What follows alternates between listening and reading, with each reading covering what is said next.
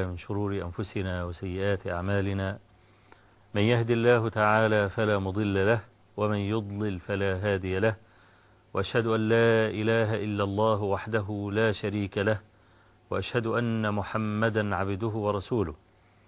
أما بعد فإن أصدق الحديث كتاب الله تعالى وأحسن الهدي هدي محمد صلى الله عليه وآله وسلم وشر الأمور محدثاتها وكل محدثة بدعة وكل بدعة ضلالة وكل ضلالة في النار.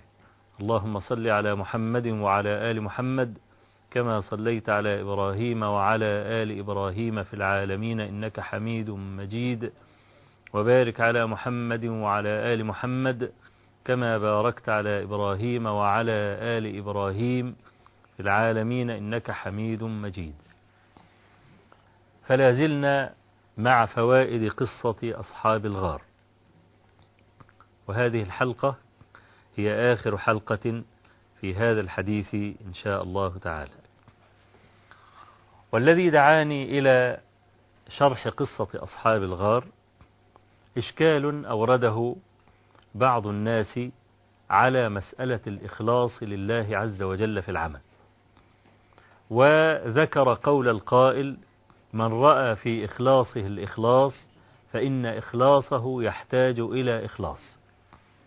فقلت آنذاك في أول الكلام هذا كلام يمكن تأويله وإلا فهو مردود لأن الإخلاص إما أن يكون ركنا في العمل أو شرطا فيه.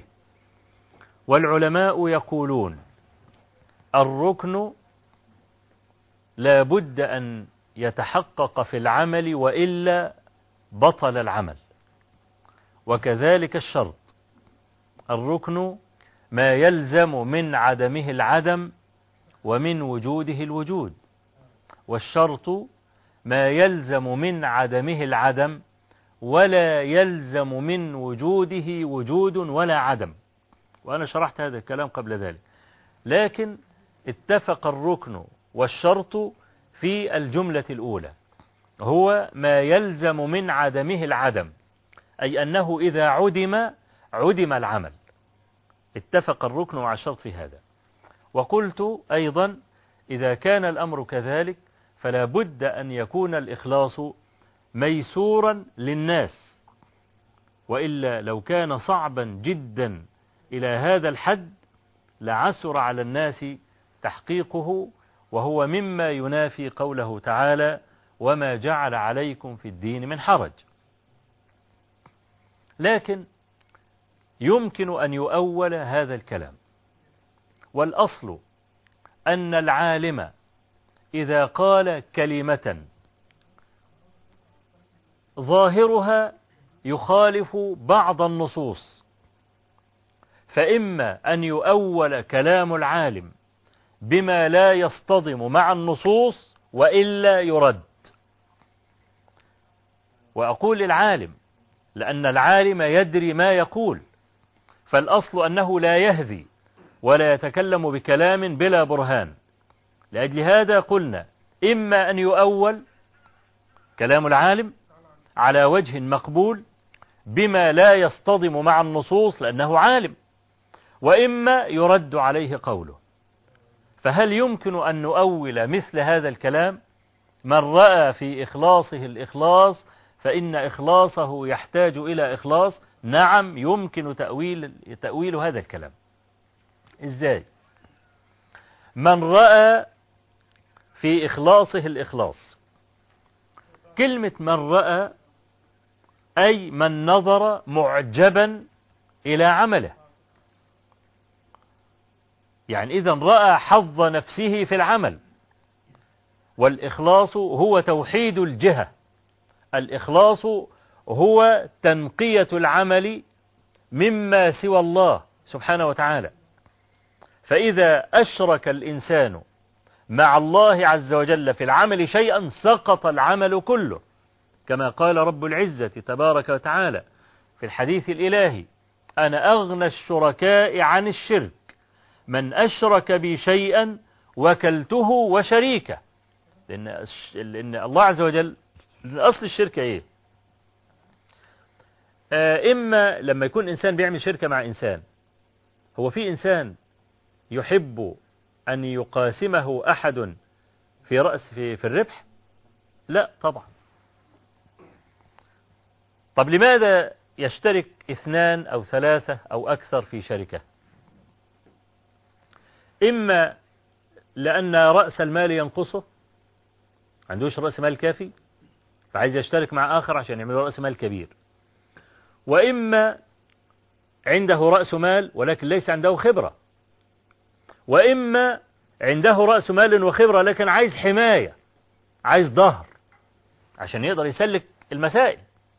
طيب ورب العالمين تبارك وتعالى يحتاج إلى شريك في المال؟ يحتاج إلى أحد معه مال يحتاج إلى ما أحد معه علم يحتاج إلى أحد معه حماية قوة؟ لا. لأجل هذا قال الله عز وجل فمن أشرك بي شيئا وكلته وشريكه. يبقى الإخلاص توحيد الجهة. أول ما الإنسان يعجب بعمله ويتصور أنه أدى ما عليه لله تبارك وتعالى فهو على خطر عظيم. لأن الإنسان مهما جود عمله فإنه لم يقدم لله عز وجل ما يستحق الله عز وجل من الثناء والتبجيل وال وال وال والإعظام. ونحن لا نعلم أحدا مشى على الأرض بقدمين أعبد من رسول الله صلى الله عليه وسلم. وهو القائل اعلموا أنه لن يدخل أحد منكم الجنة بعمله. قالوا ولا أنت يا رسول الله؟ قال ولا أنا إلا أن يتغمدني الله برحمته. فإذا كان عمله صلى الله عليه وسلم لا يدخله الجنة إلا إذا سبقت رحمة الله فما بالك بمن دونه صلى الله عليه وآله وسلم. فالعبد مع ضعفه وعجزه ونقصان عمله إذا تصور أنه أدى ما عليه ده هذا على خطر عظيم. يبقى الرجل إذا تصور أنه حقق العمل كاملا لربه تبارك وتعالى بدءا من الإخلاص إلى عمل الجوارح وأعجب بذلك هي دي المشكلة. لأجل هذا كان كان المؤمنون الصادقون يخشون على عملهم. إذا عمل عملا لله يحاول بقدر المستطاع إن هو يغطيه. حيوة ابن شريح. رأى رجلا ينعس بعد صلاة الصبح. فنبهه إلى ذلك وأمره أن يستيقظ أي, أي أن يبدي يقظة. وعلل ذلك قائلا له. إن ده معناه إن الناس ستظن أنك كنت قائما طيلة الليل. ولذلك غلبك النعاس بعد صلاة الصبح. لأن الرجل إذا إذا نام من بعد العشاء واستيقظ قبل الفجر عادة يعني يكون يكون نشيطا. فإيه معنى إنسان يصلي الصبح وبينام يبقى طول الليل بيصلي لم يكن عندهم من أدوات الله واللعب ما عندنا الآن. النهارده الإنسان ممكن يجلس أمام التلفزيون لحد قبل الفجر بنصف ساعة وينام وتبقى مصيبته ثقيلة إذا ضبط المنبه على الساعة 8 الصبح. فهذا قصد أن يضيع الصلاة عامدا بخلاف الإنسان إذا نام حتى لو نام متأخرا ولكن ليس بسبب الجلسة أمام التلفزيون واللهو واللعب. لأن النبي صلى الله عليه وسلم كره السمر بعد العشاء بعد العشاء الآخرة. إذا لم يكن ثمة داع إلى أن يستيقظ الإنسان إلى هذا الوقت. لكن حتى لو نام متأخرا في وقت متأخر من الليل فإنه ينام وهو يتمنى أن يستيقظ ويضبط المنبه على وقت صلاة الفجر حتى لو إن هو أبطل صوت المنبه أو أن لم يسمعه. خلاص يبقى رجل عنده نية أن يقوم لكن يضبط المنبه على الساعة 7 الصبح 8 الصبح على وقت الشغل يعني أو 9 إلا ربع مثلا عشان هي مش 9 يوم نقر نقرتين الصلاة ينقرها نقرة ديك وبعدين يطلع يجري هذا ضيع الصلاة عامدا. فهو بيقول له يعني بيقول له يعني هذا النعاس الذي يغلب عليك. بعد صلاة الفجر ده معناه أنك سهران طول الليل بتقوم الليل فغطي عملك. فحتى ربنا سبحانه وتعالى يقول والذين يؤتون ما آتوا وقلوبهم وجلة أنهم إلى ربهم راجعون. أي أنهم يفعلون العمل لله عز وجل وهو وجل خائف ألا يقبل الله عز وجل منه عملا وقد ورد حديث عند الترمذي وابن ماجه ولكنه حديث منقطع يعني إسناده في إسناده ضعيف بسبب انقطاعه مع شهرته. أن عائشة رضي الله عنها سألت رسول الله صلى الله عليه وسلم عن هذه الآية. قالت يا رسول الله أهذا الزاني يزني والسارق يسرق؟ الذين يؤتون ما آتوا وقلوبهم وجلة خايف مرعوب. طب ده مرعوب بيصلي ومرعوب ولا بيزني ومرعوب؟ مثلا أو بيشرب الخمر ومرعوب. يؤتون ما آتوا أي يفعلون الفعل وقلوبهم وجلة أنهم إلى ربهم راجعون أي بسبب أنهم سيقفون بين يدي الله فيؤاخذهم على هذه الأعمال أو يحاسبهم على هذه الأعمال. فقالت عائشة يا رسول الله هذا الزاني يزني والسارق يسرق؟ قال لا يا ابنة الصديق هؤلاء أقوام أتوا بصلاة وزكاة وصدقة ويخشون ألا يتقبل منهم. فيبقى إذا يمكن أن نؤول كلام هذا العالم إلى مثل هذا المعنى أن العبد إذا رأى أنه وصل بعمله إلى القمة كتير من الناس يقول لك الحمد لله وبوس إيده وشه وده ليه عملت اللي عليا؟ الحمد لله بصلي والحمد لله بزكي وحجيت والحمد لله مستقيم ولا بشرب خمر ولا بزني ولا بتاع ولا الكلام ده. الحمد لله عملت اللي عليا. لا ما عملتش اللي عليك. ما عملتش اللي عليك هذا الكلام كلام خطير. ينبغي على العبد أن يتبرأ منه ويعلم أنه لم يقدم لله ما ينبغي له ولا يستطيع أن يصل إلى هذه الدرجة. قال صلى الله عليه وسلم كما في حديث ثوبان وهذا الحديث حسن بمجموع طرقه وله شواهد. قال عليه الصلاة والسلام استقيموا ولن تحصوا. أي لن تحصوا سبل الاستقامة. استقيموا ولن تحصوا. واعلموا أن خير أعمالكم الصلاة ولا يحافظ على الوضوء إلا مؤمن. فقوله عليه الصلاة والسلام استقيموا ولن تحصوا أي لا يستطيع أحد البتة أن يستقيم ولا تفارق قدماه سبيل الاستقامة. ليه؟ لأن في شيطان يلاحيه في أعداء كثيرون على الطريق كل يهارشه ويهارجه ويحاول أن يخرجه عن الصراط.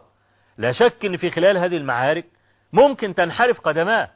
كل بني آدم خطاء. آدي آدي بقى اللي خليه ينحرف عن سبيل الاستقامة لكنه يرجع. وقد ذكر ربنا تبارك وتعالى مثل هذا المعنى في آخر سورة هود. قال تعالى للنبي صلى الله عليه وسلم فاستقم كما أمرت ومن تاب معك ولا تطغوا. خلي بالك من الكلام لأن الكلام في هذه الآية نفيس. استقم كما أمرت. إذا في أمر بالاستقامة ولك سيد آمر أمرت. ولا ومن تاب معك ولا تطغوا. فذكر التوبة بعد الأمر بالاستقامة. ولا يتوب المرء إلا من ذنب. إلا من مخالفة. يبقى أنت مطلوب مأمور بالاستقامة وأنت ماشي تخرج عن سبيل الاستقامة. خرجت بأي, بأي, بأي ذنب من الذنوب. خلاص؟ مطلوب منك ترجع تاني تاخد طريق الاستقامة. يبقى ومن تاب معك إشارة إلى الذنب. ولا تطغوا الطغيان هو مجاوزة الحد بالبدعة مثلا. أن يزيد في العبادة وأن يتقرب إلى الله سبحانه وتعالى بما لم يشرعه الله عز وجل ولا رسوله صلى الله عليه وآله وسلم. فالرجل الذي يذنب فارق الاستقامة. الرجل الذي يبتدع فارق الاستقامة. والبدعة أخطر من الذنب. ليه؟ لأن العبد إذا أذنب يعلم أنه أذنب. فيمكن أن يرجع. إنما العبد إذا ابتدع والبدعة يقول كما يعرفها العلماء يقولون طريقة في الدين مسلوكة تضاهي الشرعية. يعني البدعة يتقرب بها صاحبها إلى الله بخلاف الذنب. لا أحد يتقرب إلى الله بالذنب. يعني الرجل إذا قتل شرب الخمر أو عصى أو نظر نظرة إلى امرأة أجنبية أو زنى أو فعل لا يتصور أن رجلا يتقرب إلى الله بذلك ولا يلتبس عليه مثل هذا بخلاف البدعة. البدعة يظنها صاحبها دينا. فكلما أمرته أن ينزع وأن يترك البدعة يقول أأترك ديني؟ فيعسر جدا أن يترك البدعة. والبدعة كما قلنا شيء لا دليل عليه. ولذلك مثلا يعني مثلا أقول حاجة. في شهر رمضان تجد كثيرا من المساجد بعد كل ركعتين من التراويح يقرؤون قل هو الله أحد ثلاث مرات. وبعض المساجد بعد الركعتين الأولين يقول لك أبو بكر وبعدين الركعتين التانيين عمر وبعدين الركعتين اللي بعد الست ركعات عثمان وبعد الثمان ركعات علي وجاية معاهم تمام يعني الخلفاء الأربعة. طيب. لما نهينا الذين يقرؤون قل هو الله أحد بين ركعات التراويح. يا أخي لا تقرأ قل هو الله أحد. يقول لك أنت بتمنعني أن أقرأ القرآن؟ أنت بتبدعني لما أقرأ القرآن؟ طبعا هذه مغالطة وهذه حيدة. لا أنا ما بدعتك لما قرأت القرآن لكن بدعتك لما وضعت القرآن في غير مكانه. إحنا عايزين نسأل سؤالين. لأي إنسان ابتدع بدعة في الدين؟ السؤال الأول هل مات رسول الله صلى الله عليه وسلم وكتم شيئا من الوحي؟ طبعا لا. هل قصر رسول الله صلى الله عليه وسلم في البلاغ؟ الجواب لا. السؤال الثالث هل الذي تفعله أنت الآن فعله رسول الله صلى الله عليه وسلم أو ندب إليه أو فعله أحد من الصحابة أو أفتى به أحد من الأئمة المتبوعين أصحاب المذاهب المشهورة وأصحاب لسان الصدق في الأمة والله إذا كنت مدعيا فالدليل. أنت إذا نسبت وقلت نعم فعله النبي صلى الله عليه وسلم لك هات الدليل. فعله الصحابة أو التابعون أو أفتى به أحد الأئمة المتبوعون نقول لك أين الدليل؟ جبت الدليل خلاص هو الفيصل بيننا. لم تأتي بدليل يبقى كيف تتقرب إلى الله عز وجل؟ بما لم يشرعه رسول الله صلى الله عليه وسلم. إذا قصة أنت بتبدعني لما أقرأ القرآن هذه مغالطة. لا اقرأ القرآن لحالك. لكن لا تقرأه على طريقة مخصوصة وفي مكان مخصوص وفي زمان مخصوص. هي دي البدعة بعينها. وقديما عطس رجل عند عبد الله بن عمر رضي الله عنهما. فقال الرجل الحمد لله والصلاة والسلام على رسول الله.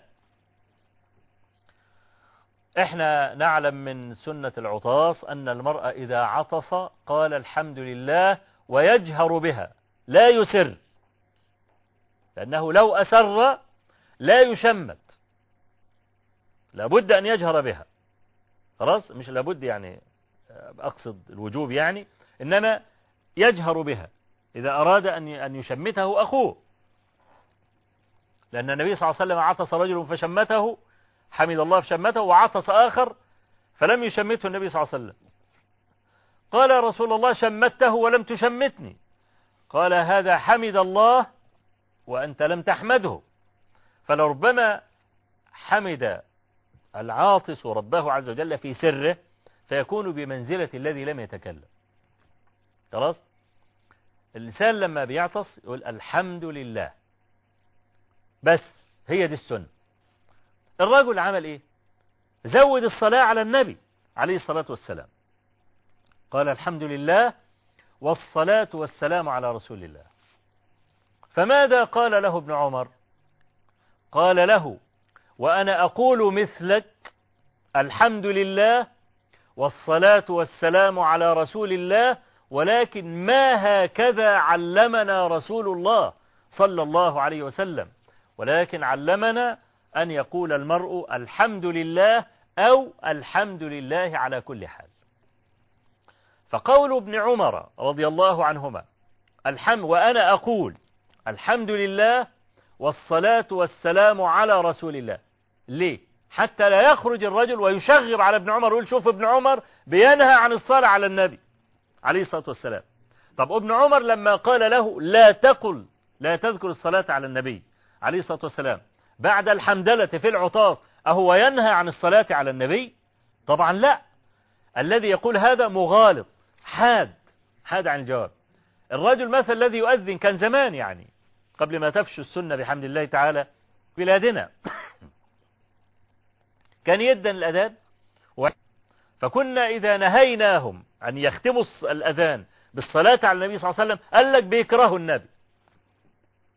يمنعون الصلاة على النبي. أه نفس الكلام. فابن عمر قال له وأنا أقول الحمد لله والصلاة والسلام على رسول الله أي في غير مكان العطاس. هكذا مطلقة. إنما في العطاس لا. ليه؟ لم يعلمنا النبي صلى الله عليه وسلم هذا. وطبعا الكلام على البدع يستحق أن نفرد له يعني إيه أكثر من حلقة. لكن أنا أتكلم في الآية. فاستقم كما أمرت. ومن تاب معك يبقى في ذنب بيخرج عبد عن سبيل الاستقامة يبقى مطلوب منه يرجع تاني. ولا تطغوا أي لا تجاوزوا الحد. مجاوزة الحد الإنسان ممكن يأتي بهيئة في العبادة لم يشرعها رسول الله صلى الله عليه وسلم ويظن أنه كلما غلا في ذلك كلما كان أقرب إلى ربه تبارك وتعالى. والنبي صلى الله عليه وسلم يقول عليكم هديا قاصدا هديا قاصدا. وكان صلى الله عليه وسلم ينهى عن الغلو حتى في حصى الجمار كما في حديث ابن عباس. قال لابن عباس صلى الله عليه وسلم ألقط لي مثل حصى الخذف الخذف اللي هو زي حبة الفول. حصوية زي حبة الفول. كانوا زمان أي واحد بيعمل بنبل والكلام ده يحط الحصوية ويضربها بالنبلة هو ده حصى الخذف الألقط لي مثل حصى حصى الخذف وإياكم والغلو في الدين. طب الغلو في حصى الحصى يعني يجيب حجر قد كده. بدل الحصى دي يجيب حجر على أساس إنه قال بيرجم يعني الشيطان يعني وعايز يعوره. فيقوم يجيب بقى حجر قد كده ولا بتاع؟ قال له حتى الغلو في مثل هذا منعه رسول الله صلى الله عليه وآله وسلم. فنقول إذن سبل الاستقامة لا يحصيها جميعا إلا نبي. لا يكاد أحد مهما بلغ فضله يحصي كل سبل الاستقامة. وده نص كلام الرسول عليه الصلاة والسلام. استقيموا ولن تحصوا. واعلموا أن خير أعمالكم الصلاة. ولا يحافظ على الوضوء إلا مؤمن. يبقى الذين يؤتون ما آتوا وقلوبهم وجلة أنهم إلى ربهم راجعون. هذا الرجل الذي الفاضل الذي يعمل العمل وهو على وجل أنه إذا أتى ربه عز وجل به لا يستحق أن يدخل الجنة بمثل هذا العمل. فما بقي إلا أن يعتقد المرء في نفسه وهذه عقيدة لا بد منها أن كل خير أحرزه الإنسان إنما هو بتوفيق ربه تبارك وتعالى لا بحوله وقوته. وما بكم من نعمة فمن الله. ربنا عز وجل قال للنبي صلى الله عليه وسلم ولولا أن ثبتناك لقد كدت تركن إليهم شيئا قليلا. وهذا للرسول عليه الصلاة والسلام. وعلمك الله الكتاب والحكمة. وكان فضل الله عليك عظيما. يبقى كل نعمة وكل خير هو من الله جل جلاله. ده اللي ممكن نحن نؤول به كلام أهل العلم. وكلام برضو زي سفيان الثوري مثلا لما يقول ما عالجت شيئا أشد علي من نيتي.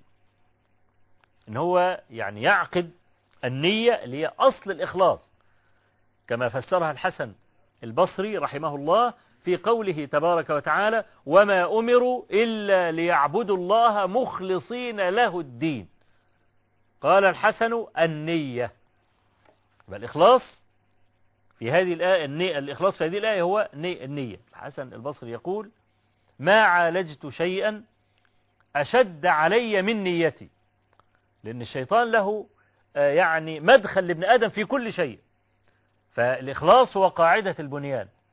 فالشيطان مش هيشتغل معاه في الفروع ويترك الأصل. لابد أيضا أن يشككه في عمله. زي ما بيحصل لكثير من الناس إذا يعني ابتلاه الله عز وجل بالوسواس. يوسوس في كل شيء بدءا من الإخلاص بدءا من النية إلى الفروع. فسفيان لما بيقول هذا الكلام ليه؟ لأن له مجاهدات. والعبد كلما أراد أن يصل إلى درجات عليا كان عمل الشيطان معه أعلى. ليه؟ لأن الشيطان عايز منه أي حاجة.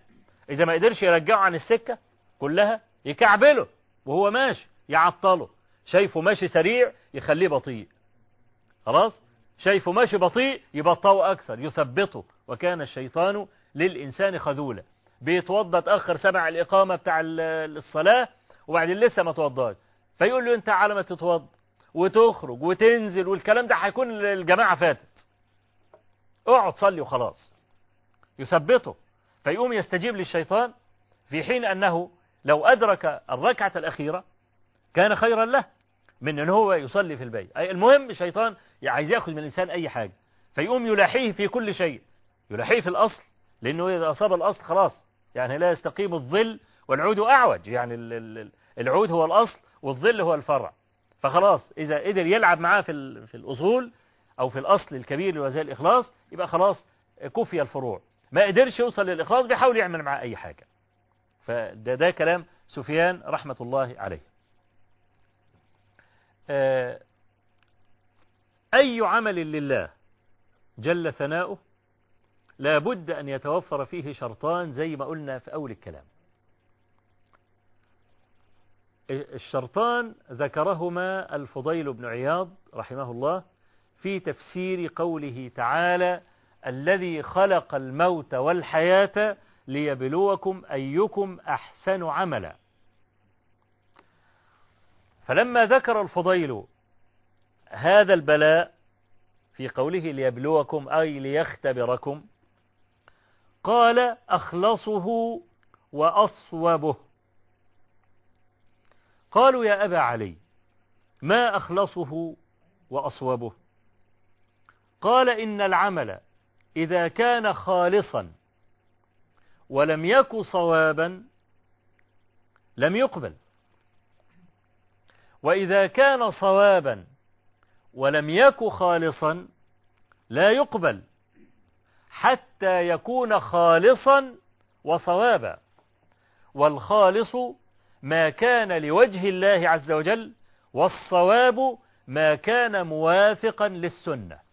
شوف كلام سبيك الذهب. السلف دول يعني أنا عايز الناس تقرأ كلام السلف الأوائل. وبعدين كل ما تطلع لفوق تلاقي الكلام أنفس وأفضل وأغلى. من أراد البحر استقل السواقية. عايز تشرب مية نظيفة وماء ممتاز ادخل نص البحر لجة البحر. لكن تشرب من على الشاطئ هتشرب ماء متعكر. ليه؟ لأن الأقدام إنما تدوس في هذا الماء اللي هو بقرب الشاطئ. عايز تشرب مية نقية جدا اسبح وادخل في نص البحر. من أراد البحر استقل السواقية كل ما تطلع لفوق من عند بقى زمن بقى الأئمة المتبوعين دول وتطلع بقى لفوق لطبقة بقى التابعين بطبقاتهم الثلاثة صغار التابعين أوسط التابعين كبار التابعين. وبعدين تطلع على طبقة الصحابة تعتني بكلامهم تلاقي كلام جواهر سبايك ذهب.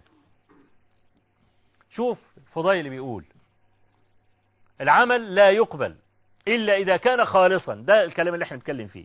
مسألة الإيه؟ مسألة الإخلاص.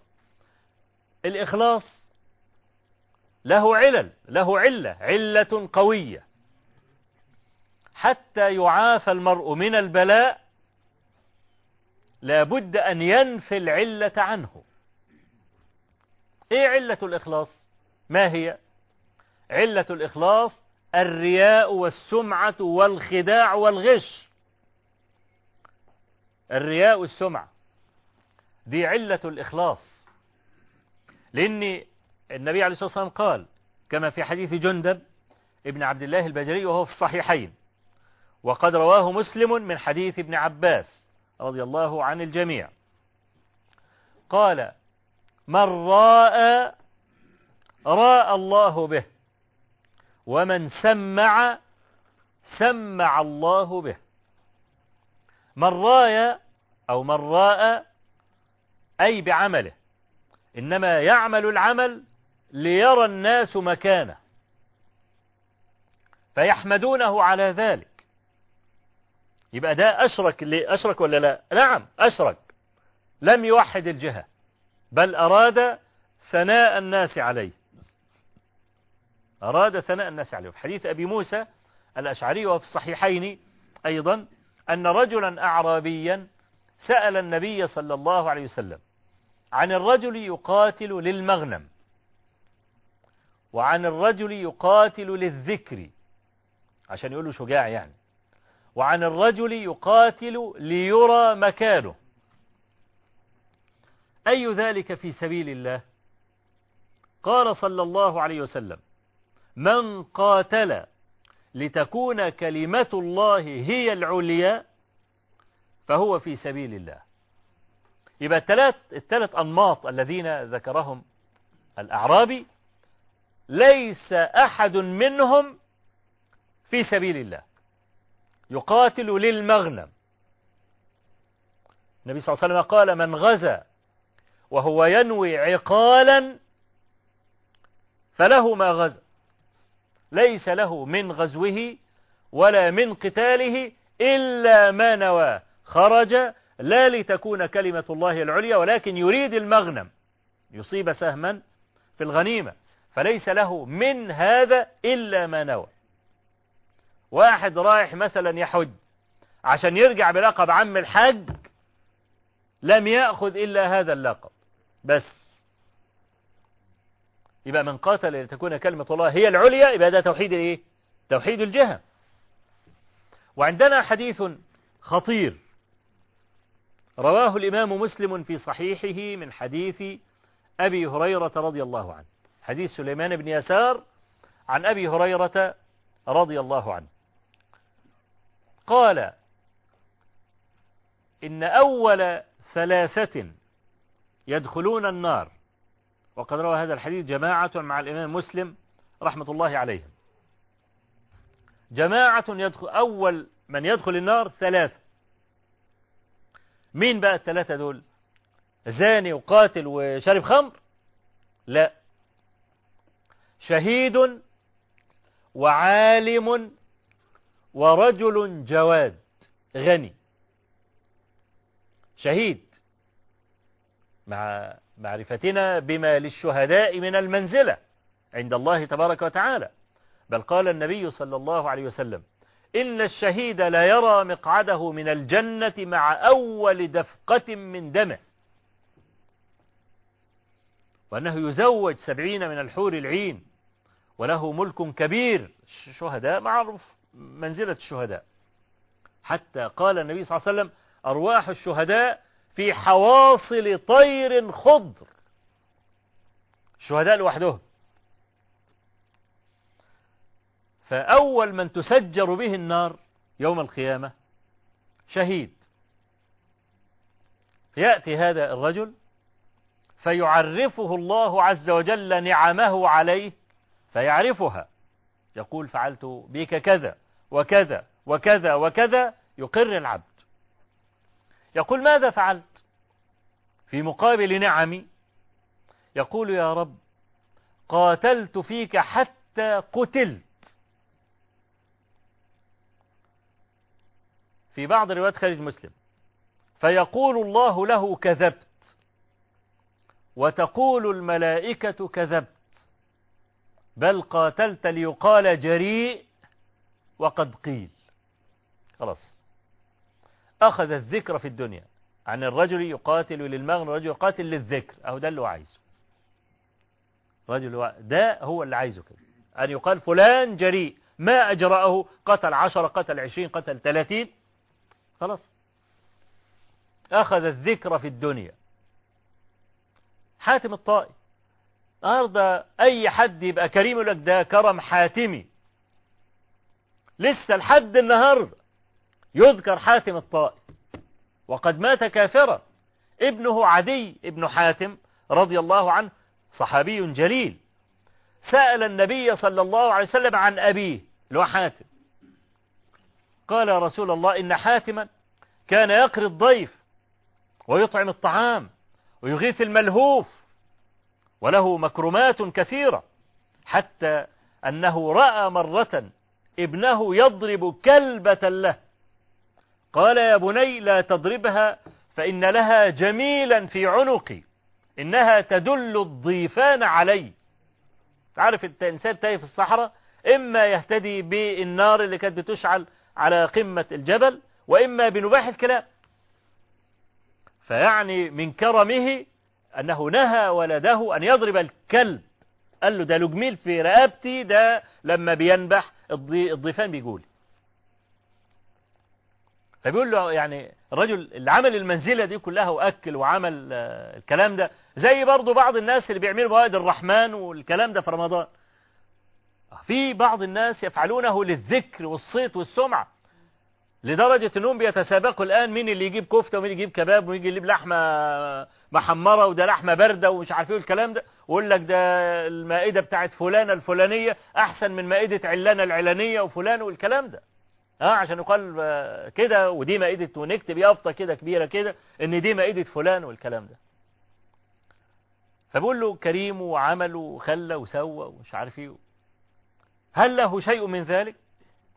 قال إن أباك أراد شيئا فأحرزه أو فناله كان عايز يبقى أكرم واحد على على وش الكرة الأرضية. كان يريد أن يتحدث الناس باسمه وقد قيل. خلاص. كرم حاتمي لسه بنقول لحد النهارده.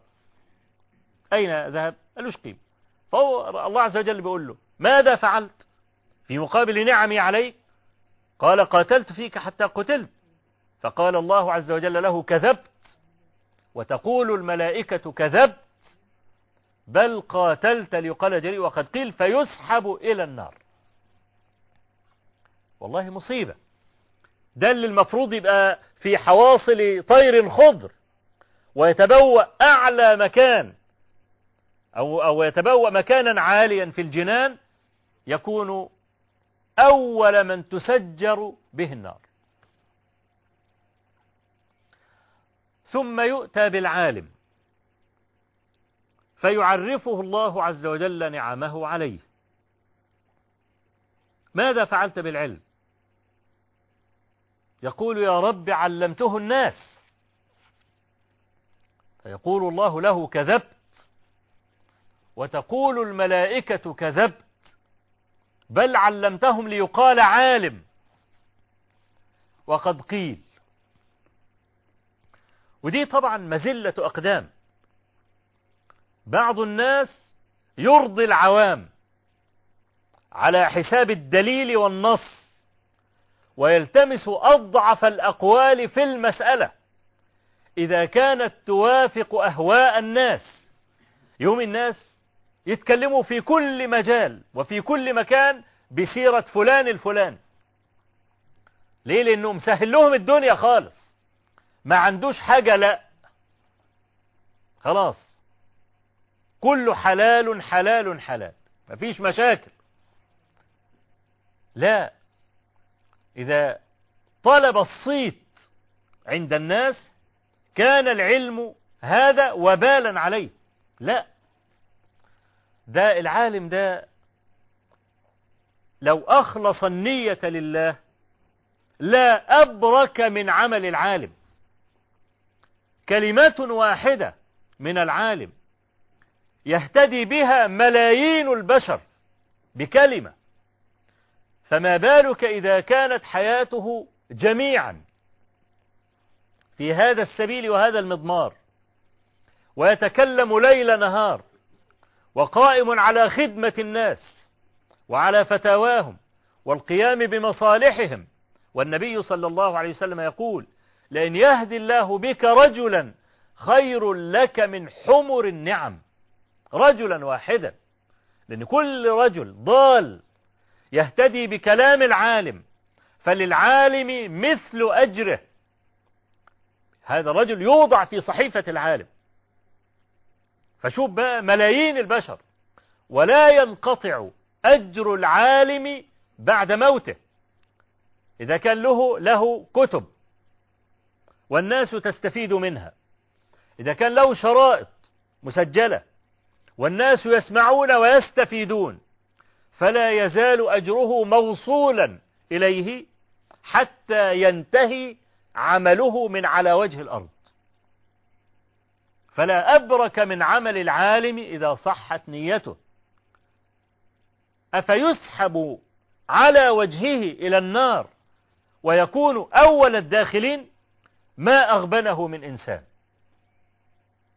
إيه اللي ضيعه؟ الشرك. عدم الإخلاص. وانت عارف مفيش تهاون في مسألة الشرك. الله عز وجل لا يعذر أحدا أشرك به أبدا. إذا مات مشركا دخل النار. قولا واحدا ولا يخرج منها. ده بالنصوص الكثيرة المتواترة. يعني أنا هقول لك حاجة. طبعا أفضل بني آدم الأنبياء. اسمع بقى في الآيات القادمة دي. في سورة الأنعام في قصة إبراهيم عليه السلام. وإذ قال إبراهيم لأبيه آزر أتتخذ أصناما آلهة؟ قال الله عز وجل عد معايا أدي إبراهيم عليه السلام واحد. ووهبنا له إسحاق ويعقوب. كلا هدينا. ونوحا هدينا من قبل. ومن ذريته داود وسليمان وأيوب ويونس وهارون. وكذلك نجزي المحسنين. وزكريا ويحيى وعيسى وإلياس كل من الصالحين. وإسماعيل واليسع ويونس ولوطا. وكلا فضلنا على العالمين. 18 نبي. ها ثمانية عشر نبيا. ومن آبائهم وإخوانهم وذرياتهم دول بالألوف المؤلفة هم. ناس مصطفين برضه اصطفاهم الله عز وجل. واجتبيناهم وهديناهم إلى صراط مستقيم. ربنا عز وجل قال إيه بقى؟ ولو أشركوا لحبط عنهم ما كانوا يعملون. أدي عندك 18 نبي وألوف من ذرياتهم من آبائهم وإخوانهم وذرياتهم. أهو ألوف مؤلفة أهو. لو أشركوا لحبط عنهم ما كانوا يعملون. وقد قال الله عز وجل للنبي صلى الله عليه وسلم ولئن أشركت ليحبطن عملك. والشرك هو السيئة الوحيدة التي تأكل كل الحسنات. إحنا نعرف إن من خصائص الحسنة أنها تأكل السيئة. إن الحسنات يذهبن السيئات.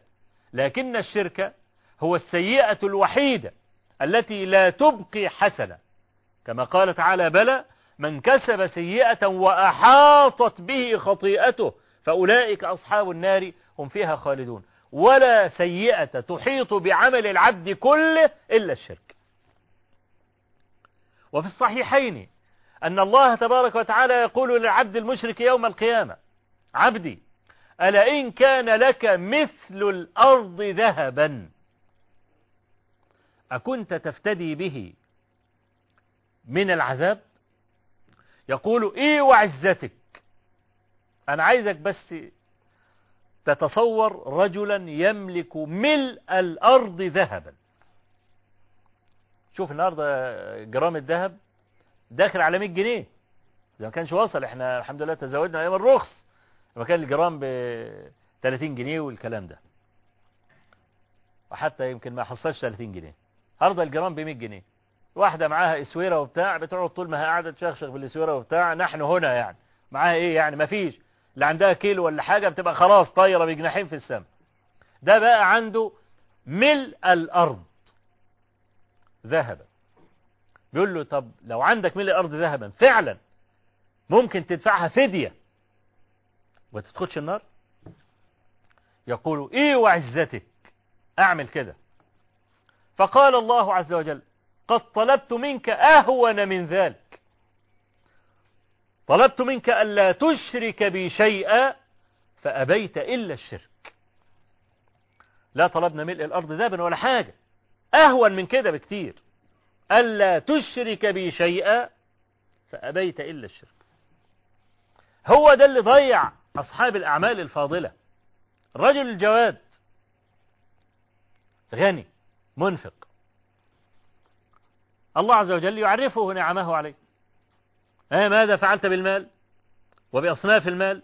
يقول يا رب ما تركت سبيلا يوصل إليك إلا أنفقت فيه. فيقول الله له كذبت. وتقول الملائكة كذبت. بل أنفقت ليقال جواد. رجل كريم. يعني مستشفيات ويعمل مدارس ويعمل مصحات ويرصف طرق والكلام ده هو عمل سبيل مية. أنفقت ليقال جواد وقد قيل ثم يسحب إلى النار. هذا الحديث رواه الإمام الترمذي من طريق آخر عن أبي هريرة عن شفي بن ماتع. قال دخلت المدينة فوجدت رجلا حوله ناس. قلت من هذا؟ قالوا هذا أبو هريرة. قال فدنوت منه حتى إذا خلوت به. قلت له حدثني حديثا. سمعته من رسول الله صلى الله عليه وآله وسلم وعقلته. قال لأحدثنك بحديث سمعته من رسول الله صلى الله عليه وسلم وعقلته. ثم نشغ أبو هريرة. نشغ يعني قارب على البكاء. وبعدين سكت. ثم قال لأحدثنك حديثا. سمعته من رسول الله صلى الله عليه وسلم وعقلته ثم نشغ نشغة أشد من الأولى. شهق. شهقت الباكي. وبكى بكاء شديدا. ثم جعل يمسح وجهه بيديه. ثم قال لأحدثنك حديثا سمعته من رسول الله صلى الله عليه وسلم وعقلته عنه. ثم نشغ نشغة أشد من التي قبلها حتى مال يقول شفي بن ماتع حتى إنه احتضنه. مال على الأرض مسكه حتى لا يسقط على الأرض. ثم قال إذا كان يوم القيامة كلام النبي صلى الله عليه وسلم جيء بشهيد وعالم وقارئ. وذكر نحو هذا الحديث الذي ذكرته آنفا لكنه زاد القارئ. ماذا فعلت بالقرآن؟ يقول يا رب علمته الناس فيك. آناء الليل وأطراف النهار. يقول الله له كذبت بل قرأت ليقال قارئ وقد قيل. كل أسف بعض الناس وأنا سمعت رجلا سمعت رجلا ممن يقرؤون وكان في لجنة امتحان بيمتحن الطلبة في حفظ القرآن. سأل الطالب سؤالا عجيبا جدا. قال له حفظ القرآن كويس؟ قال له جدا. قال له طيب تعرف تجيب لي الآية اللي فيها ثلاث لمونات فالطالب استغرب. ثلاث لمونات قال له آه في آية في القرآن فيها ثلاث لمونات تعرف تجيبها؟ الولد قعد يعصر دماغه عشان يجيب الليمون. ما عرفش. وفي الآخر طبعا الشيخ قال له يا ابني في سورة النساء يا ابني ما ألم تقرأ قوله تعالى ولا تهنوا في ابتغاء القوم فإن تكونوا تألمون فإنهم يألمون كما تألمون. أدي ثلاث لمونات أهو. وده ده ده توقير القرآن؟ ده إلحاد. إلحاد في كلام الله. لا يجوز أبدا. ولا تتخذوا آيات الله هزوا. آه لما يجي واحد زي ده وأشباهه ممن يفعلون مثل هذا على شفا هلكة إن لم يتوبوا إلى الله عز وجل. الذي ضيع هؤلاء مع جلالة أعمالهم. يعني القرآن الكريم النبي عليه الصلاة والسلام قال اقرأوا القرآن فإنكم تؤجرون بتلاوته. لا أقول ألف لام ميم حرف ولكن ألف حرف ولام حرف وميم حرف. يعني بسم الله الرحمن الرحيم 190 حسن. فما بالك إذا كان هناك رجل كالحال المرتحل؟ خلص القرآن ومراجع جايبه من الأول. يخلصه ويرجع يجيبه من الأول. ومداوم على كده على طول. أشوف بقى كل حرف عشر حسنات. يعني مفترض واحد زي ده. يعني يأتي يوم القيامة بجبال من الحسنات. لا يعلم مداها إلا الله. ده يسحب على وجهه ويدخل النار أول الداخلين مغبة الشرك عظيمة عظيمة جدا. عشان كده أحيط التوحيد بسياج متين من الأوامر والنواهي. الكلمة بل الحرف الذي يوصل إلى الشرك كان النبي صلى الله عليه وسلم يمنع المسلمين منه. يعني سمع النبي صلى الله عليه وسلم عمر بن الخطاب يقول وأبي وأبي بيحلف بأبيه قال يا عمر إن الله ينهاكم أن تحلفوا بآبائكم. حديث اللفظ الآخر لا تحلفوا بآبائكم ولا بالطواغي. أي بالطواغيت. وسمع رجلا يقول له سمع رجلا يقول النبي صلى الله عليه وسلم سمع رجلا يقول له ما شاء الله وشئت. قال أجعلتني لله ندا إزاي؟ إيه الإشكال في في الكلمة دي؟ ما شاء الله وشئت. قال أجعلتني لله ندا قل ما شاء الله ثم شئت. كلمة واحدة. تشيل حرف الواو وتحط ثم. تبقى ماشي صح. تشيل ثم تحط حرف الواو تبقى جعلته لله ندا بحرف واحد. توحيد. الذي هو حق الله على العبيد محاط بسياج متين. أهو حرف واحد فقط حرف. الواو قال له أجعلتني لله ندا.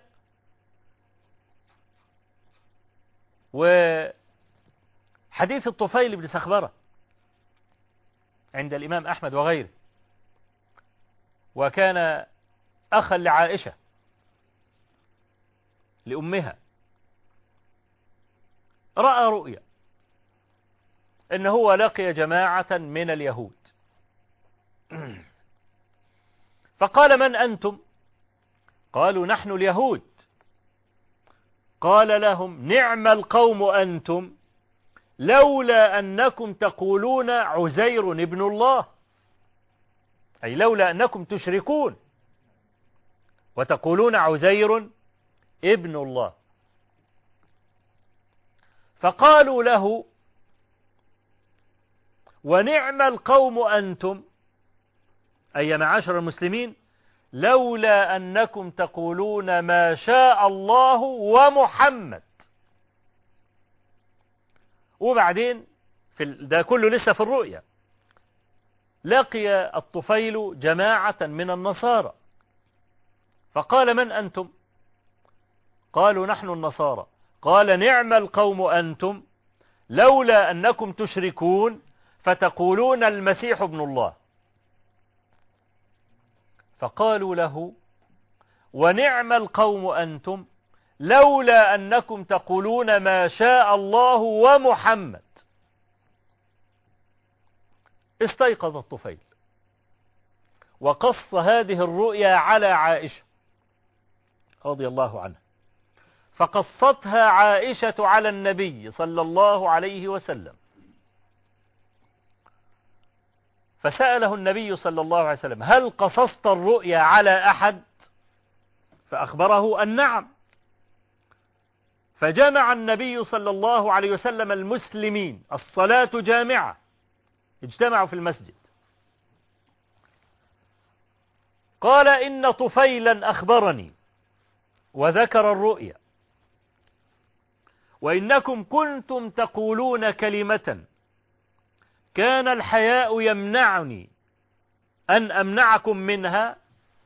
كنتم تقولون ما شاء الله ومحمد ألا قولوا ما شاء الله وحده.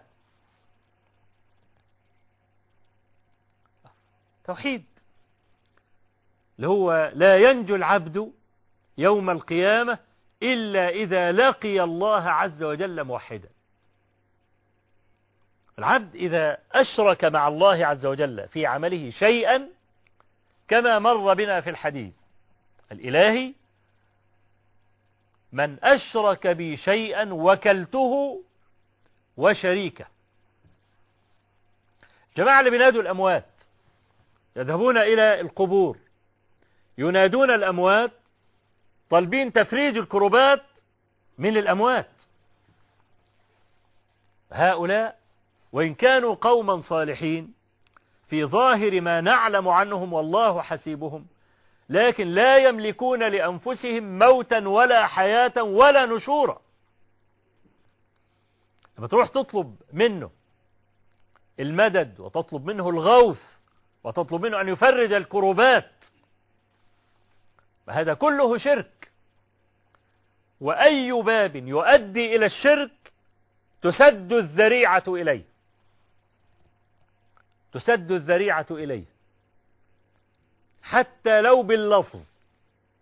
يعني هل يتصور أحد منكم أن الرجل الذي قال للنبي صلى الله عليه وسلم ما شاء الله وشئت كان يعتقد من قلبه أن الرسول صلى الله عليه وسلم ند لرب العالمين. أنا ما أعتقد هذا مطلقا. أبدا. إنما جعله ندا بالكلام. حتى الكلام. ولو لم يكن تحته اعتقاد ممنوع. فما بالك إذا اعتقد؟ إذا اعتقد ده مصيبة سودة. هلك. حتى الكلام نفسه. كلام نفسه. إذا كان في جنب الله عز وجل لازم تحاسب على كلامك كويس. ما ينفعش واحد يجي يقول ربنا عز وجل مهندس الكون. آه الهندسة عندكم يا معشر البشر دلالة على استقامة الذهن وإنه مرتب ومنظم ودي مدح عندكم. لكنها صفة نقص. إذا وصفت الله عز وجل بها. فعش واحد يقول ربنا المهندس. مهندس الكون. لا في أفضل منها بديع. بديع السماوات والأرض. خلقهما على غير مثال سابق. لما تيجي تتكلم عن رب العالمين حاسب على ألفاظك كويس. لا تقل ما يقوله الناس لبعضهم. الدليل السمعي هو الشيء الوحيد. دليل السمعي أي الذي تتلقاه أنت بسمعك. من الوحي يعني قرآنا وسنة. ده اسمه الدليل السمعي. فعش إنك تصف رب العالمين بأي شيء إلا إذا وصف الله عز وجل به نفسه أو وصفه رسول الله صلى الله عليه وآله وسلم وصح الإسناد إليه. حتى الكلام ظاهر الكلام. يعني مثلا النبي عليه الصلاة والسلام يقول قال الله عز وجل قال الصحابة أتدرون ما قال ربكم الليلة؟ قالوا وما قال ربنا يا رسول الله؟ قال يقول قال الله عز وجل أصبح من عبادي مؤمن وكافر. طيب المؤمن هو الذي يقول مطرنا بفضل الله. أما الكافر فيقول مطرنا بنوء كذا وكذا. يقول لك بكرة في مطر نشرة الجوية الرياح العكسية الغربية الشرقية من فوق ومن تحت مش عارف إيه و... والرياح دي هتتسبب في نزول الأمطار والكلام ده. لازم الإنسان إذا قال هذا الكلام يقول بإذن الله بمشيئة الله حتى لا يقع الكلام مستبشعا في ذهن المستمع. هو الإنسان إذا قال هذا الكلام وقلبه غافل تماما عن الشرك. ما قصد أن نوء كذا هو الذي أنزل المطر مجردا من مشيئة الله. أبدا ما قصد هذا. هل هذا كافر؟ لا.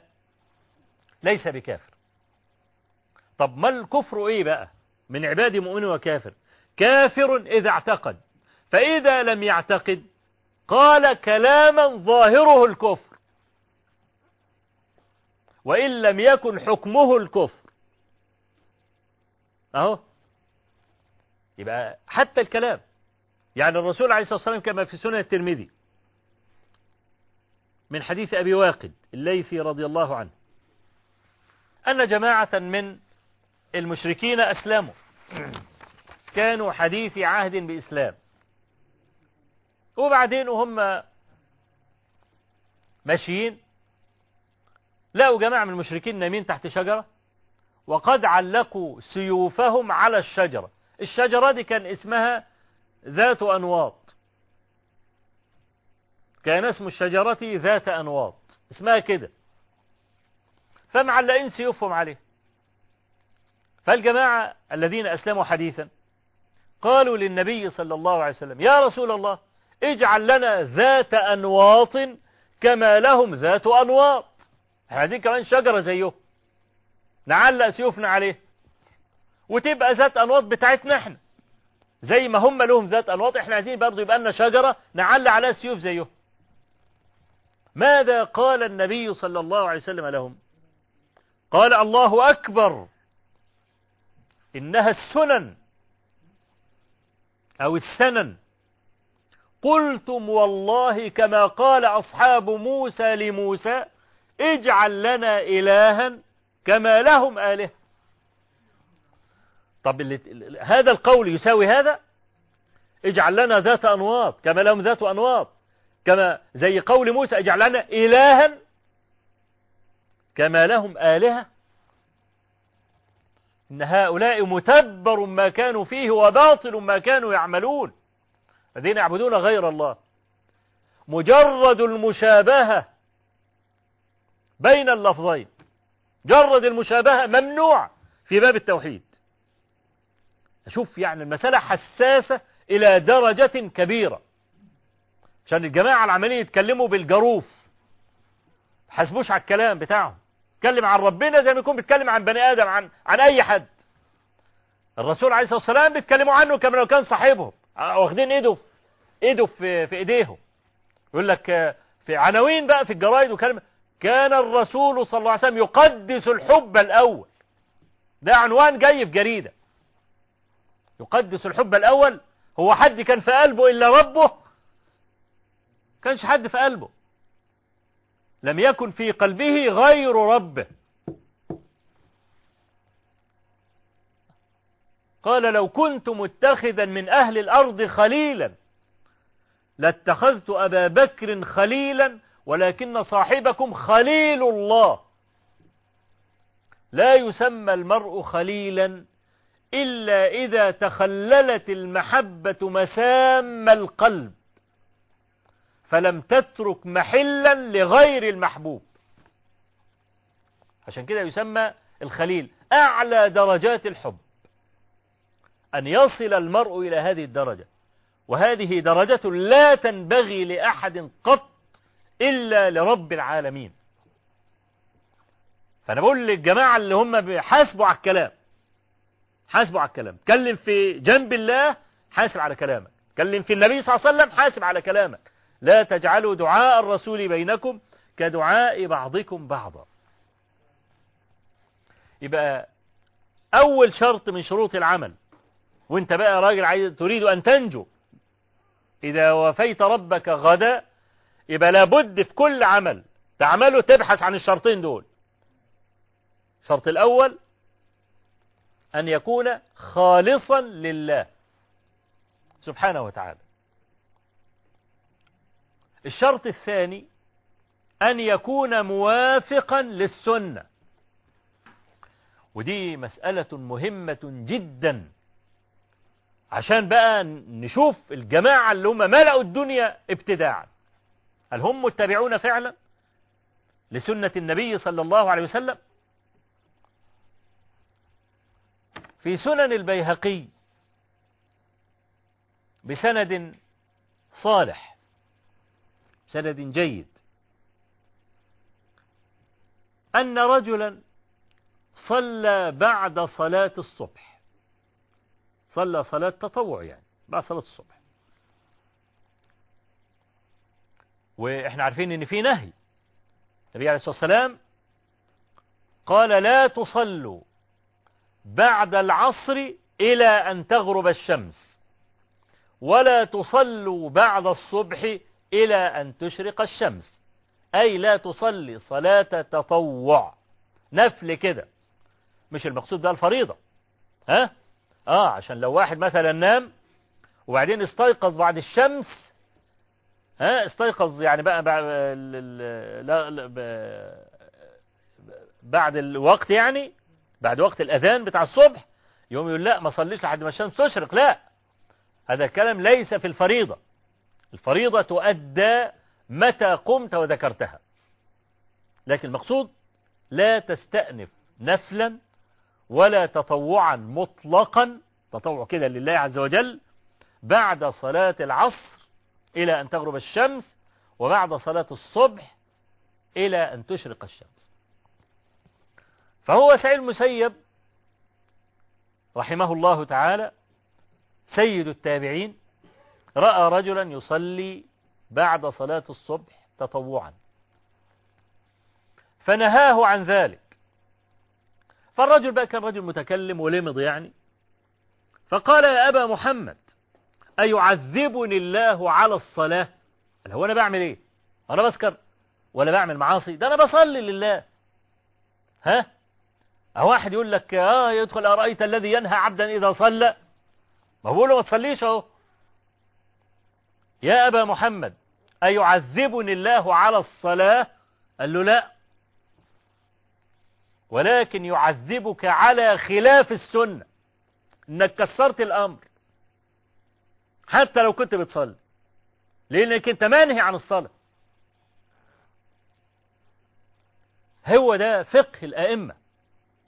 لا يعذبك على الصلاة ولكن يعذبك أنك خالفت. خالفت النبي صلى الله عليه وسلم وطاعته واجبة. أنا عايز أتكلم كلام وكل مرارة وأسى. الجماعة اللي هم بيكسروا كلام النبي النبي عليه الصلاة والسلام يأمر بالأمر. يجي واحد من بني آدم عايز يكسر كلام النبي زي إيه مثلا؟ أسئلة اللي بتجيني دائما على طول. شاب أعفى لحيته. وإعفاء اللحية واجب. لأن الأحاديث التي وردت عن النبي صلى الله عليه وسلم جاءت بصيغة الأمر ولا صارف لها. مفيش قرينة تصرف الأمر تخليه نازي ينزل من الوجوب للاستحباب. أعفوا اللحى أرخوا اللحى وفروا اللحى. ثلاث ألفاظ. وكلها بمعنى تمام الترك. يجي يقول إن أبي أو ولي أمري أي أي ولي أمر إذا كان أخوه إذا كان خاله إذا كان عمه. بيقول لي لازم تحلق. فيقول له ده الرسول عليه الصلاة والسلام أمرنا بها. إذا كان يعني رجل يعني بيراعي المسألة شوية يقول له يا أخي اللحية سنة وطاعة الوالدين فرض. طيب أنا إذا أقمت الدليل إن إعفاء اللحية واجب بيقف؟ لا برضه ما بيقفش. لازم يحلق. يعني كسر كلام النبي؟ إزاي؟ وقد أوجب النبي صلى الله عليه وسلم هذا الأمر. أو أي أمر إيجاب. أنا بدي اللحية كمثال بس يعني. لكن أي أمر أوجبه رسول الله صلى الله عليه وسلم على المسلم. ما ينفعش حد يكسر الكلام. حطش كلامك في مقابل كلام النبي. أمرك في مقابل أمر النبي. ده ممنوع. عقد الإيمان يمنع ذلك. قال الله عز وجل فليحذر الذين يخالفون عن أمره. أن تصيبهم فتنة أو يصيبهم عذاب أليم. شوف بقى الجيل الأول جيل الصحابة الذين ما خالفوه في دقيق ولا جليل. عندهم عاطفة عندهم امتثال استجابة. لذلك أعزهم الله تبارك وتعالى في وأقام دولتهم في وقت لا يعد شيئا في أعمار الأمم. دولة المسلمين أقيمت في المدينة في عشر سنوات فقط لا غير عشر بس. فتش في تواريخ الدنيا.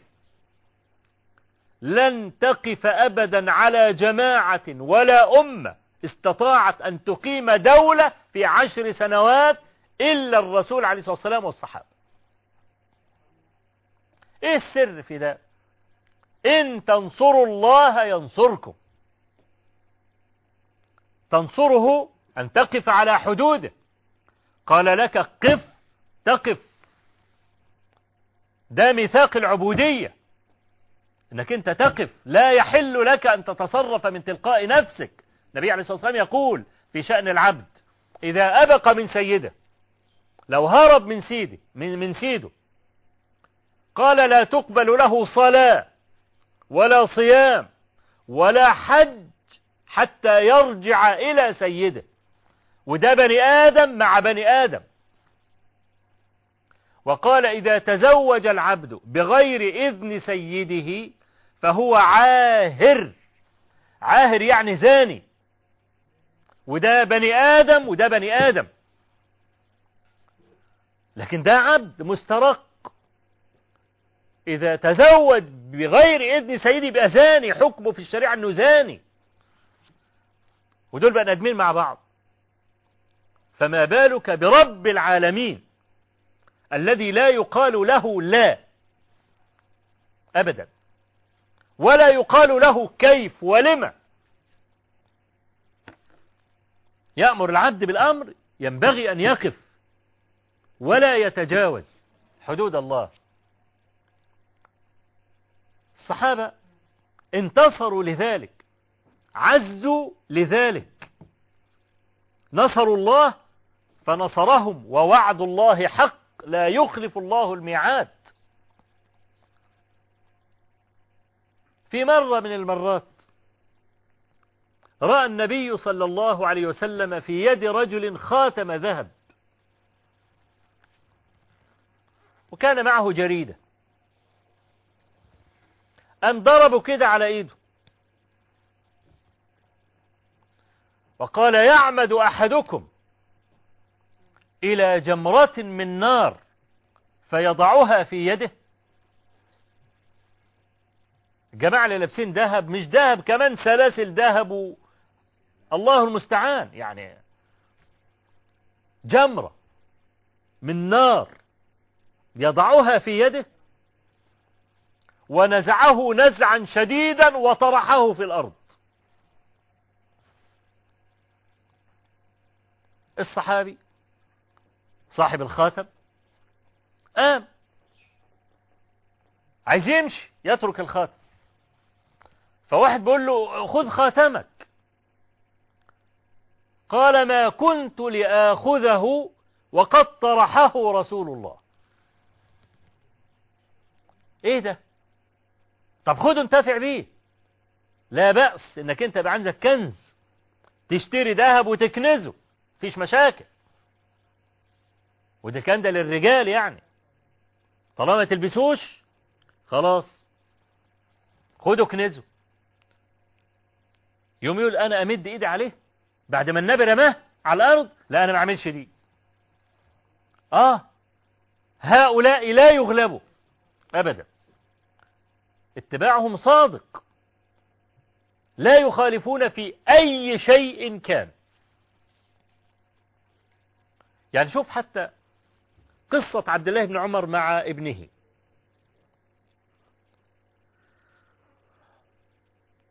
كان عبد الله بن عمر مريضا. وهو نايم أبناء حوله. قال سمعت رسول الله صلى الله عليه وسلم يقول لا تمنعوا إماء الله مساجد الله. في اللفظ الآخر إذا استأذنت أمة أحدكم أن تذهب إلى المسجد فلا يمنعه. أم بلال ابنه قال والله لنمنعهن. يتخذنه دغلا دغل مكان الملتف كثير الأشجار أدغال إلى الغابات. قال له لا ده أنا همنعها. هتتخذ المسجد حج كل ما عايزة تطلع تتفسح ولا تقابل صاحبتها تقول لها راح أصلي في الجامع. لا أنا طبعا مش هعمل المسألة دي. مش هتعمل الجامع حجة بقى وكل شوية تطلع لي. يقول سالم فسبه أبي سبا سيئا. ما سمعته سب هذا السب قبل ذلك. وفي بعض الروايات أن عبد الله بن عمر تناول حصباء حصى وقذف بها. ابنه الذي عارض كلام النبي صلى الله عليه وسلم. وطرده من مجلسه. وأبى أن يدخل عليه حتى مات ابن عمر. طبعا المتصور إن في شفاعات. ولاده دخل قال له ده غلطان معلش سامحه. خليه يدخل عليك. أبى أن يدخل عليه. هو بلال ابن عبد الله بن عمر كان يقصد من قلبه أن يعارض النبي صلى الله عليه وسلم أو يحط كلام ضد كلامه قصدا من قلبه بعيد جدا. طب إيه رأيك؟ إن كلام ابن عمر ابن ابن عمر ده اللي هو بلال قالت مثله عائشة رضي الله عنها كما في صحيح البخاري. قالت عائشة رضي الله عنها لو رأى رسول الله صلى الله عليه وسلم ما أحدثته النساء لمنعهن المساجد. إيه اللي ممكن النساء تحدثه في زمان عائشة؟ طب ده لو عائشة موجودة النهاردة لرأت العجب العاجب العجاب العجيب. نساء بيروحوا المسجد متزينات كأنهن في ليلة العرس. أحمر شفايف وأزرق ومنيل وأسود ومطين كل ده على وجوه النساء. رايح المسجد تصلي. وبعضهن أبكار بنت بكر يعني. والكلام ده كله قبيح بالبكر أن تفعله لأن الزينة في الأصل لا تكون إلا لزوج. المرأة بتتزين لمين؟ لصاحبتها؟ إنما تتزين المرأة لزوجها. البكر ليه لما تتزين وتحط الخلطة الخلطبيطة دي؟ لمين يعني؟ المرأة المتزوجة رايحة الجامع تصلي تسمع خطبة الجمعة وتصلي. رايحة بقى بكامل هيئاتها وزينات ليه؟ إيه اللي ممكن نساء الصحابة يعملوه؟ عشان عائشة رضي الله عنها تقول لو رأى رسول الله صلى الله عليه وسلم ما أحدثته النساء لمنعهن المساجد. مش كلام عائشة رضي الله عنها يلتقي مع كلام بلال؟ بيقول والله لا نمنعهن. آه يلتقي. بلال يقصد أن يعارض النبي عليه الصلاة والسلام يحط كلامه قبل كلامه عشان يكسر كلام النبي أبدا. ما الذي كبر على عبد الله بن عمر؟ إن الكلام يبقى صد رد. النبي عليه الصلاة والسلام يقول لا تمنعه يقول لا همنع. أهو. حتى وإن لم يقصد. لا يجوز أن يخاطب النبي صلى الله عليه وسلم بهذا. ولا يجوز أن تقابل سنته بهذا. أبدا. بد أن يكون الإنسان محترما إذا سمع كلاما للنبي صلى الله عليه وسلم. الصحابة عندهم نماذج بالعشرات أو المئات أو الألوف لمن يطلبها في مسألة الاتباع. يبقى العمل لا يقبل حتى يكون خالصا لوجه الله وحتى يكون صوابا أي على السنة. يبقى على السنة ده معناها أن تطلب السنة. لأن إذا لم تطلب السنة وقعت في البدعة والمخالفة ولا بد من حيث لا تدري. شوف حذيفة بن اليمان يقول كما في الصحيحين كان الناس يسألون النبي صلى الله عليه وسلم عن الخير وكنت أسأله عن الشر مخافة أن يدركني. يبقى وبضدها تتميز الأشياء.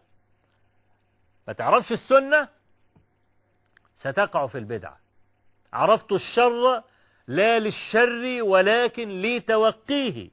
ومن لا يعلم الخير من الشر يقع فيه.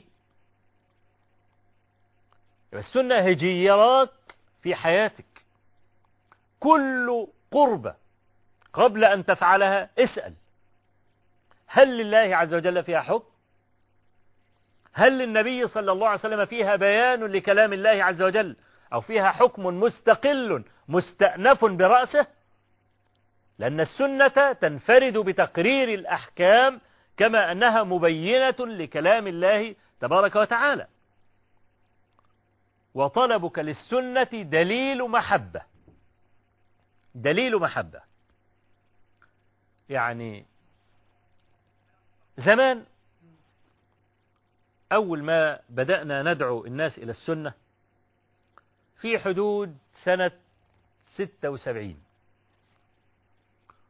وكان عندنا شغف أي حاجة نعرفها على طول نعلمها للناس. وبلدنا بلد أرياف. فاتعلمنا بقى في صفة الصلاة من كتاب شيخنا أبي عبد الرحمن ناصر الدين الألباني رحمة الله عليه. قدس الله روحه وروح ضريحه ونوره هذا الشيخ المبارك الذي عمت أيديه البيضاء على كل محب للسنة في هذا العصر. رحمة الله عليه. كتاب صفة الصلاة صفة صلاة النبي صلى الله عليه وسلم من التسليم إلى من التكبير إلى التسليم كأنك تراها. ده عنوان الكتاب. أنا عايز كل مسلم يشتري هذا الكتاب علشان يصحح الصلاة بتاعته. فاتعلمنا بقى من الكتاب أشياء كان من ضمن الأشياء تحريك الإصبع. طبعا اللي إحنا اتعلمناه إنك أنت ترفع إصبعك في النفي والإثبات في ال في تقول أشهد أن لا إله إلا الله. خلاص وتحط إصبعك على طول. لا إحنا بقى إيه الشيخ الألباني رحمة الله عليه أظهر لنا الرواية اللي هي رواها زائدة بن قدامة عن وائل بن حجر عن عاصم بن كليب عن أبيه عن وائل بن حجر. أن النبي صلى الله عليه وسلم كان إذا كان في التشهد يعني إيه؟ يحرك إصبعه يدعو بها. فطبعا خدنا الكلام ونفذناه على حسب فهمنا. فأنا كنت إيه؟ أنا لأن أنا تعلمت الكتاب وبعدين علمت الشباب الصبية الصغار أنا ذاك يعني كانوا اللي في ستة ابتدائي واللي في أولى إعدادي أقصى واحد فيهم كان تقريبا في ثانية إعدادي والباقي بقى في ثالثة ابتدائي في رابعة ابتدائي الكلام ده. فأنا كنت بقى أول ما فهمت بقى التحريك كنت إيه؟ أحرك إيه؟ كده. حتى يعني سافرت للشيخ الألباني في الرحلة الأولى إليه رحمة الله عليه في المحرم سنة 1407 وبعدين وأنا بصلي جنبه فعمال بقى إيه أحرك كده. فالشيخ استغرب الحركة دي لكنه الحقيقة علمني الأدب. قال لي ما ما هذه الهيئة؟ كيف يتحرك هذا يعني؟ جبتها منين؟ هل عندك علم فيها؟ فأنا الحقيقة انكمشت فقلت له يا شيخنا أنا إنما علمت هذا منكم من كتابكم. لا أنا أقول يحرك إنما ده مش تحريك ده خفض ورفع. لما أعمل كده وكده ها ده اسمه إيه؟ اسمه خفض ورفع. إنما التحريك كده نصب يده هكذا وقعد إيه؟ خليني أحرك إصبعي هكذا وهو متجه إلى القبلة. خلاص عرفت من يومها كيف. لكن إحنا أول ما بدأنا الدعوة إلى السنة والكلام ده فكنا إيه بنحرك بالنظام ده. فالجماعة اللي واحد قاعد جنبي من أهل بلدي من جماعة فلاحين وبتاع مش متعودين كده. أنا عمال أعمل كده طول الصلاة شغلته. خلاص أبص كده مش متعودين. يوم إيه أبص طرف عينه كده يبص لي. بعد ما خلصنا صلاة فواحد قال لي إيه؟ قال لي بقول لك إيه هو أنت قاعد طول الصلاة تنطر دود؟ تعمل كده؟ قال هو أنت في دود عمال تعمله كده وبتاع؟ تنطر دود ليه؟ قلت له انطر دود أنت بتستهزئ بالسنة ليه كده طالعه في دماغنا شباب يعني صغير محبين للسنة بس ما عندناش يعني الوعي الكامل ما عندناش الوعي الكافي. كنا برضو بنحب السنة صحيح بس ما كانش في علم. ما كانش في علم كنا لسه في بداية الأمر. يعني مثلا سنة المغرب القبلية. كنا نصر على إن إحنا نصلي سنة المغرب القبلية. ليه؟ اصل هناك بالأذان والإقامة في نفس واحد في المغرب بالذات. ولا قال رسول الله صلى الله عليه وسلم المغرب جوهرة فالتقطوها. والمغرب غريب. يقولوا الكلام ده طبعا الكلام ده كله لا أصل له. لم يقله النبي صلى الله عليه وسلم مطلقا. فكان على طول ما فيش حاجة اسمها سنة المغرب القبلية. إحنا بقى بنحب السنة وعايزين نعلم الناس السنة فعايزين بقى إيه نحيي سنة الإيه المغرب القبلية دي. ومن حماستنا في الدعوة إلى السنة لم نفطن إلى كمالة الحديث. ما النبي صلى الله عليه وسلم قال إيه؟ قال صلوا قبل المغرب صلوا قبل المغرب صلوا قبل المغرب لمن شاء. لمن شاء دي ما أنا ما شفتهاش. أو شفتها ولم أفهمها. كل اللي في دماغي صلوا قبل المغرب وعايز أثبت إيه؟ سنة. أنا طبعا كنت الإمام وطبعا الجماعة عليه اللي هم إيه الألاضيش دول اللي حواليا دول اللي هو ستة ابتدائي وأولى إعدادي والكلام ده كان منهم واحد بيدن. فاتفقت معاه قلت له شوف بقى أنت تدن من هنا وللخلف دور الله أكبر وياخد الركعتين على طول عشان ما فيش واحد من الجماعة دول يقول لك إيه أقم الصلاة. وطبعا ما كناش بنعرف نقول إيه الأذكار أذكار الأذان اللهم رب هذه الدعوة التامة والصلاة ليه؟ على ما تقولها لا أقم الصلاة. طب ده عم الحاج بيقول أقم الصلاة ودرجة كبارة في البلد والكلام ده. أقم الصلاة. مش هتقدر تقول له لا لكن قال لك أقم الصلاة بعد ما خدت تكبيرة الإحرام. هتطلع من الصلاة؟ لا ما تطلعش من الصلاة طبعا. خلاص. المهم؟ هو عملنا المسألة دي. كانوا يقعدوا يشتمونا وإحنا بنصلي. ما رضوش يصلوا برضه. يعني إحنا نصلي الركعتين وهو ما يصليش. بس يقعد يشتم فينا. بعد ما نخلص الصلاة نصلي. طبعا كنا مبسوطين جدا بالشتيمة دي. ليه؟ جهاد في سبيل الله. شوف واحد بيشتمك بقى وانت صابر عليه وبعدين بتحيي سنة. وأجرك على قدر نصبك والبتاع دول العملية كبرانة في دماغنا أو في المسألة دي. لا شوف النهاردة بحمد الله عز وجل. النهاردة الإنسان بيرى الزرع السنة الحمد لله منتشرة في كل مكان. والبدعة تقلصت. الحمد لله رب العالمين. واندحرت في كثير من الأخطار. ورجع الناس زرافات ووحدانا إلى دين الله تبارك وتعالى. ده, ده شيء, شيء, شيء جميل.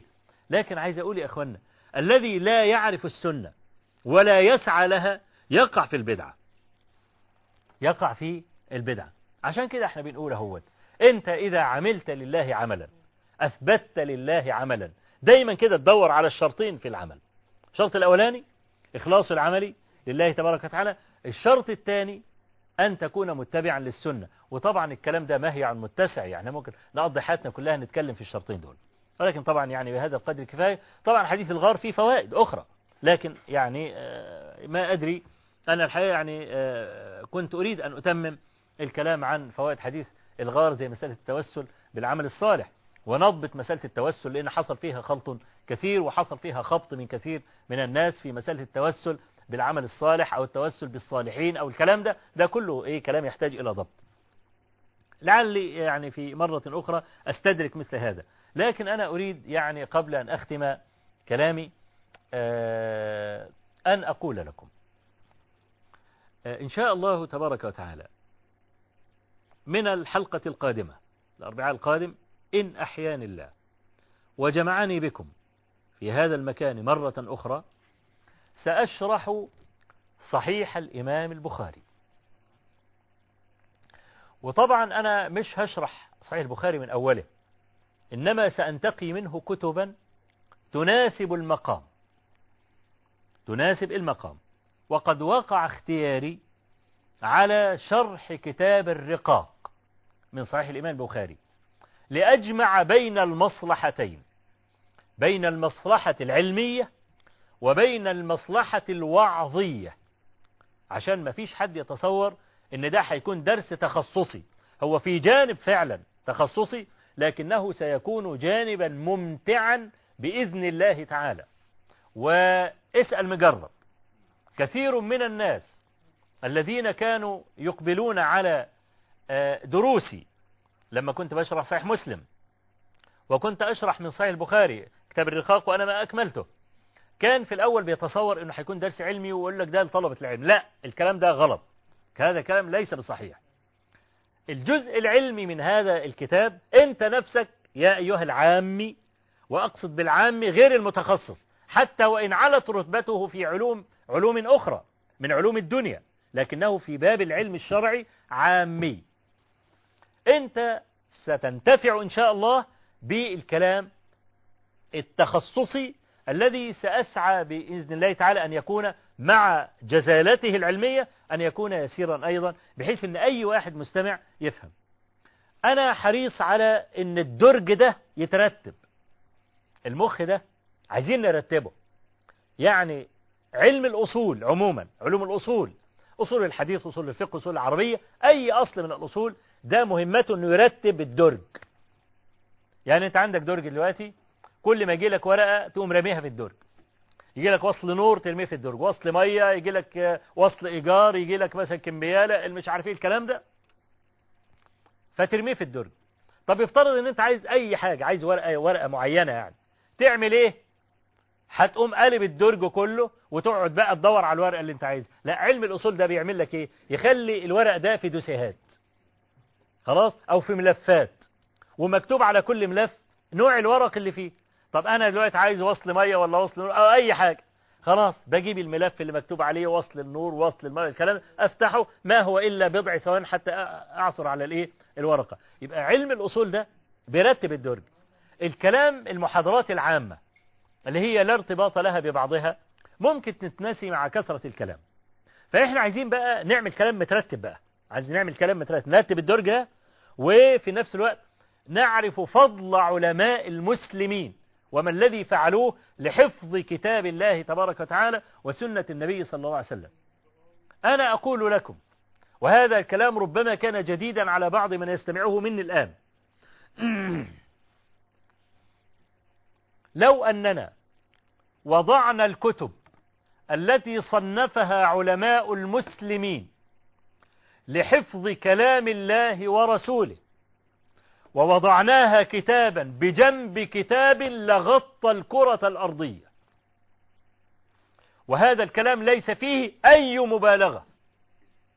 يكفي بقى مكتبة بغداد أيام التتار لما التتار حبوا يعبروا نهر دجلة ردموا نهر دجلة بالكتب مكتبة بغداد وجعلوها زي الكوبري عشان تعدي الخيل من عليه.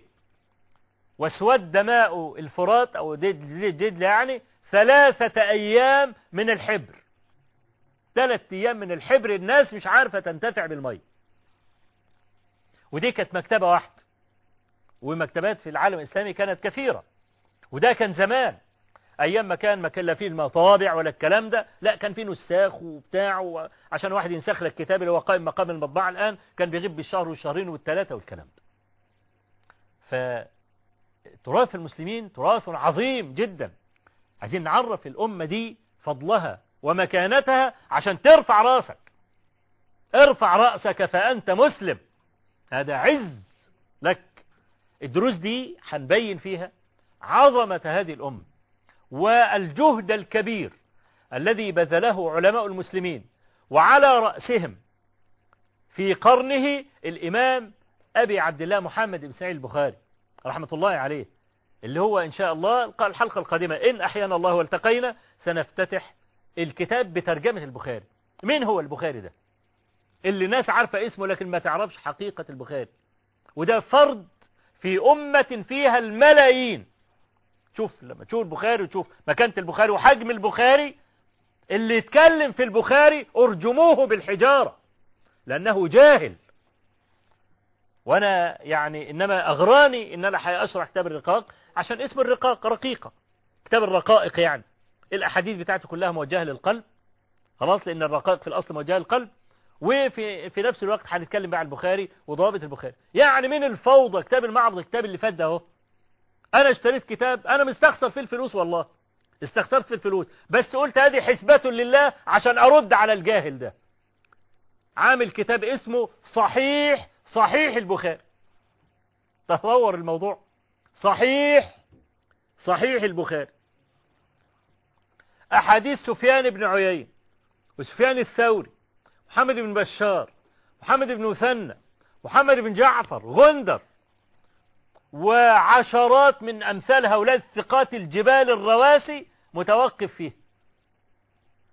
مطلع تلتين البخاري شرك تلتين البخاري شرك ده البني آدم ده يريد سندا من الملائكة. يريد إسنادا تتناقله الملائكة مش بني آدم. أهو منتهى الفوضى العلمية. فيش حامي فيش واحد مفيش يعني آآ آآ الحراس الحدود اللي يحرسوا الكتب الأصلية بتاعتنا. ده لو ضاع البخاري وضاع مسلم السنة هتسقط ولن تسقط بإذن الله تعالى. لازم يكون في حرس حدود. أنا بقى عايز من خلال هذه الدروس أطلع حرس حدود من المسلمين.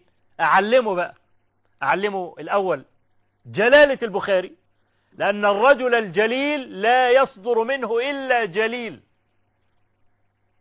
يبقى نعرف الأول البخاري وبعدين أعرفكم البخاري كيف صنف الكتاب. مش البخاري قاعد كده وقعد يشرب شاي وبتاع وطفى الأنوار وأما ألف الكتاب لا. البخاري غاب 17 سنة يألف الكتاب بتاعه ده مع مال البخاري من الرسوخ القدم. في الرواية والدراية في الإسناد والمتن. 17 سنة. يبقى المفروض أي بني آدم يعرف قدر نفسه أولا. قبل ما يدخل يبص العنوان صحيح البخاري يعرف هو بيبص لمين.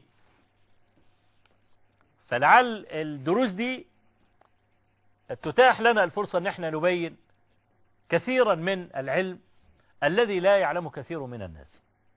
وأنا برضو عايز عايزكم تشتروا صحيح البخاري. علشان وانت قاعد قدامي تفتح الكتاب سأقرأ لك الحديث قراءة صحيحة. أقرأ لك الإسناد قراءة صحيحة وأقرأ لك المتن قراءة صحيحة ويبقى معاك قلم كده وكراسة والكلام ده. إذا بقى أنا مريت بفايدة كويسة ومش عارف إيه الكلام تقوم تدون الفوائد شيئا فشيئا تطلع في الآخر بحاجة. ما تبقاش الدروس عبارة عن دروس كده متطورة بتسمع. ليه؟ كثرة الكلام ينسي بعضه بعضا. وأسأل الله تبارك وتعالى أن يوفقني وإياكم. أنا أعتقد يعني الوقت خلاص أوشك على يعني النفاد. فمعلش أعتذر لإخواني اللي هم يعني كانوا ينتظرون الاتصال. وإن شاء الله تبارك وتعالى أرجو أن أفسح لهم بإذن الله تعالى في الحلقات القادمة. وقتا آخر حتى أتلقى اتصالاتهم. والله تبارك وتعالى أسأل أن يجعل ما قلناه وما سمعناه زادا إلى حسن المصير إليه وعتادا إلى يمن القدوم عليه. إنه بكل جميل كفيل وهو حسبنا ونعم الوكيل. وصلى الله وسلم وبارك على نبينا محمد والحمد لله رب العالمين.